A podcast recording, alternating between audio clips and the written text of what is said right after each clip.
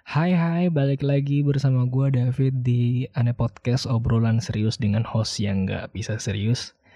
Gue lama-lama sebel ya sama tagline-nya ya. Ternyata beneran gak serius ini host pada ya. Pada ke mana mereka? Hah?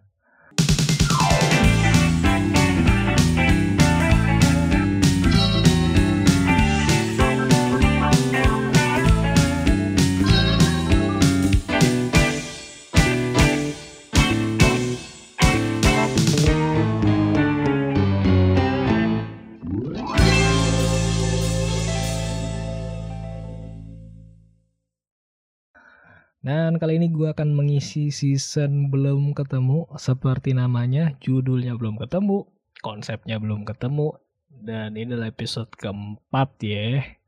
Dan juga nggak bakalan ketemu ini kayaknya nih mau gimana sekarang tadinya bertiga terus berdua sekarang gue sendiri.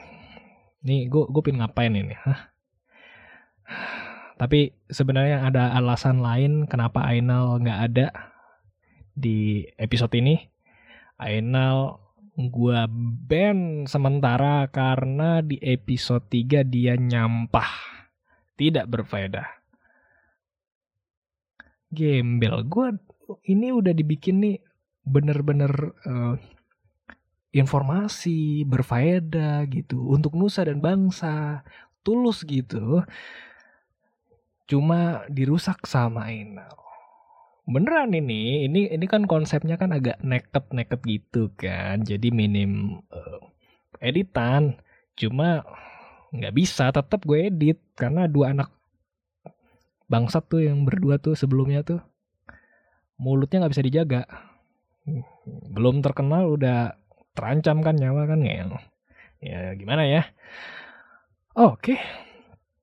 Lagian juga Ainel udah nggak asik sekarang ya jadi kan rencananya kan gue ini kan bacain artikel, terus mancing, terus dia punchline-nya gitu, ceritanya gitu. Tapi ya ya udah nggak asik sekarang, udah nggak asik, gue udah nggak kenal Ainal yang sekarang. Dulu kan dia selalu meledak-ledak gitu, pasti ada jargon-jargon yang yang gue tahu gitu, yang kita bisa kenal ini si Ainal gitu. Sekarang dia punchline-nya cuma gitu doang udah. Waduh, nggak gitu dong. Enggak, cok. Udah gitu aja dah. Udah se sebatas itu aja gitu, udah nggak asik. Nggak tahu kenapa ya. Pokoknya semenjak pemilihan dia kayaknya lebih lebih tenang, lebih damai gitu. Kalau nggak salah dia udah pindah agama kalau nggak salah ya. Jadi kita biarkan saja Ainal dengan agama barunya ya. Dan gue pengen ngapain ya? Oh ya, gue bakalan bacain artikel di episode kali ini dan beberapa berita.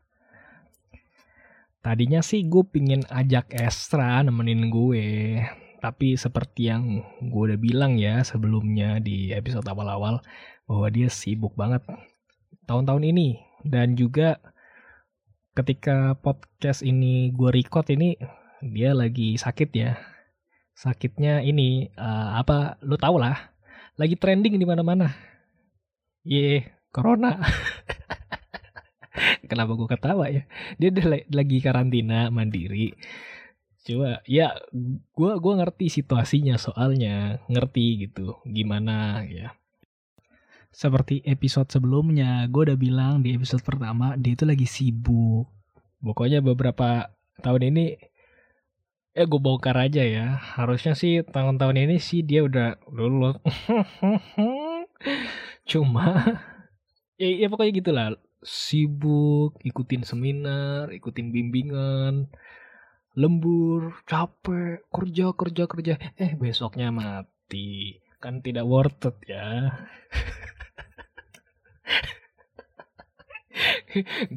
Karena gue tahu ngebayanginnya gitu. Gue tahu seberapa usahanya dia. Tidak worth it. Capek capek capek capek mati kan nggak? Nggak ya? Kita doakan yang terbaik untuk Ezra. Eh, maksud gue cepet sembuh. Jangan yang terbaik nanti yang terbaik kembali ke alamnya kan? Tidak dong. Nanti dulu masalahnya password anchor dia yang megang ya enggak jadi ini ini indikasi nih. Kalau ini bisa diupload berarti dia masih hidup. Itu aja tuh. Ya yeah. Tapi ya juga ya. Kayaknya habis record gue bakalan tanya deh passwordnya. Yap, oke. Okay. Kita akan langsung aja ke artikel. Nih gue ada gue akan bacain artikel tentang 5 manfaat kopi bagi kesehatan tubuh yang Anda tidak tahu. Wow, sangat bermanfaat sekali kan? Nah, kita mulai dari yang pertama, mengurangi gangguan fungsi otak. Jadi, kopi dapat mencegah dan meminimalisir dem demensia dan Alzheimer. Jadi kedua penyakit ini bisa begitu turun karena perilaku dalam menjalani aktivitas sehari-hari, yaitu dengan zat antioksidan dan senyawa anti radang yang mampu meminimalisir potensi peradangan terhadap sel otak. Selain itu, kandungan kafein yang terdapat dalam kopi dapat membantu pencegahan penyakit Parkinson, ya kan? Mencegah penyakit Parkinson bukan berarti mengobati ya, Tolong digaris bawahi. Anda udah getar-getar minum kopi kan? Eh bisa gak sih? Oke lah, kita lanjut. Yang kedua, mengurangi risiko diabetes tipe 2. Oke, sangat bagus sekali. Yang ketiga, menjaga kanker. Jadi kandungan asam klorogenik, kafein, serta fitrogen pada kopi fitoestrogen pada kopi bermanfaat dalam menurunkan risiko kanker payudara. Yang keempat, melindungi organ hati. Bayangkan bisa melindungi hati. Gak kayak dia yang suka bikin sakit hati. Wadaw. Mengkonsumsi kopi hitam dipercaya meningkatkan kerja dan organ hati dan menurunkan resiko terjadinya collagenous sclerosing primer yang dapat mengakibatkan sirosis atau lebih dikenal dengan gagal hati. Gagal hati jangan oke. Okay. Mencegah depresi. Jadi beberapa penelitian dari Harvard School of Public Health menyatakan bahwa seseorang yang mengkonsumsi hingga 3 cangkir kopi dalam sehari maka resiko depresi yang dialami 15% lebih rendah. Wow, sangat bermanfaat sekali. Terima kasih ada podcast. Aku baru tahu ternyata kopi itu sangat bermanfaat bagi tubuh kita. Aku juga baru tahu bahwa kita itu perlu minum kopi juga dan aku baru tahu podcast sendiri kayak bangsat ya. Wow, gini banget ya. Kayaknya ini episode beneran terakhir nih. Anjing, enak bangsat. Ah. Oh. Tapi tapi kita balik lagi ke artikel ya. Uh, kopi secara khusus di Indonesia selalu jadi trend center sih. Iya nggak? Selalu aja ada trennya gitu. Kopi dicampur cincau lah, kopi dicampur kenangan lah, kopi dicampur janji tai lah, kopi dan senja lah. Kenapa kenapa kenapa harus ngopi harus pas mau sore gitu. Kenapa sih? Hah? Lo gak ada waktu lain gitu? Perkara kopi loh, kopi. Cuma kopi doang. Tiba-tiba mendapatkan ilham, nirwana. Tiba-tiba ngerti politik, ngerti ekonomi. Dunia ini fana. Semuanya ini hanyalah titipan. Wadaw. Perkara kopi, kopi anak senja emang bangsat. Ah cuma ya ujung-ujungnya paling cuma buat postingan di Instagram sih. Nggak lebih nggak lebih. Ya kan? Ada yang di sini masih posting-posting kopi-kopi cantik di Starbucks? Ada lah ya. Ngaku aja lo ngaku. Coba coba gue nggak nggak ada masalah. Gue gua ngebela lu seriusan ini. Gue gue gak ada masalah sama orang yang foto terus di posting di Instagram. Ya fine fine aja santai santai aja. Nggak jauh nyebelin dari orang yang biasanya ngomong gini nih. Lu lu tahu nggak? Kopi itu sebenarnya minuman orang gembel di Amerika. Apaan sih lu? Apa sih? Apa sih? Apa sih? Lu belum cebok atau gimana sih? Hah? otak lo kayak kotor gitu ya bodo amat lah ya di Amerika terjadinya apa ya kan Kita kan beli minum buat lifestyle gitu. Lagian juga mana ada gembel minum kopi 40 ribu gitu.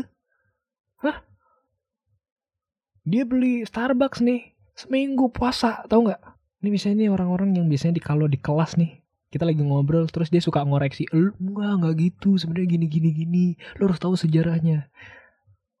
Terus kalau kita lagi bercanda dikoreksi sama dia. Enggak kan kita bercanda anjing.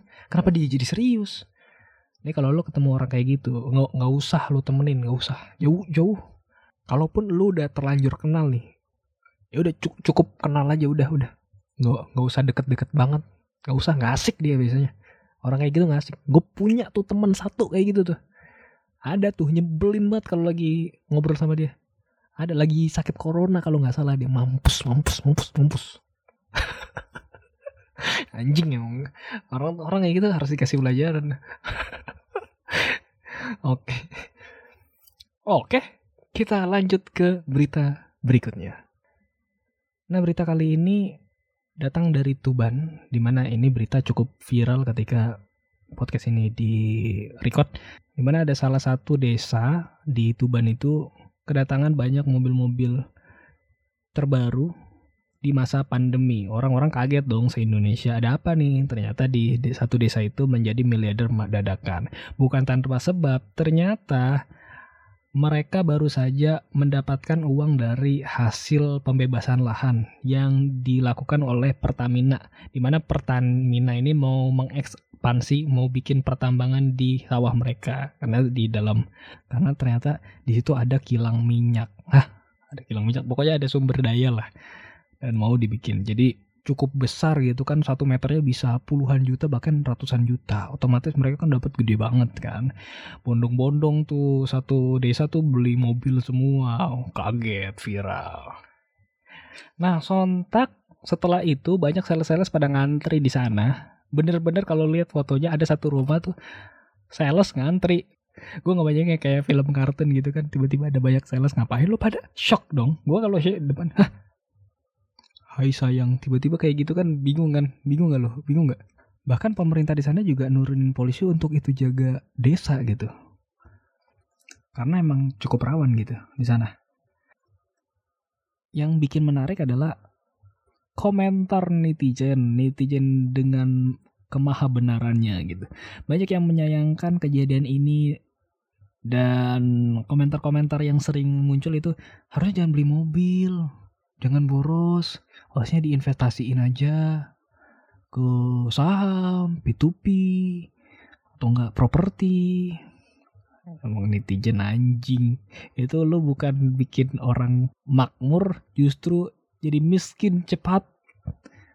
Ya anjing petani saham petani saham. Emang gak masuk akal. Petani loh. Baru tahu internet juga kayaknya baru kemarin itu. Enggak lah ya petani mah eh, internet tahu lah ya kalau internet. Tapi men come on.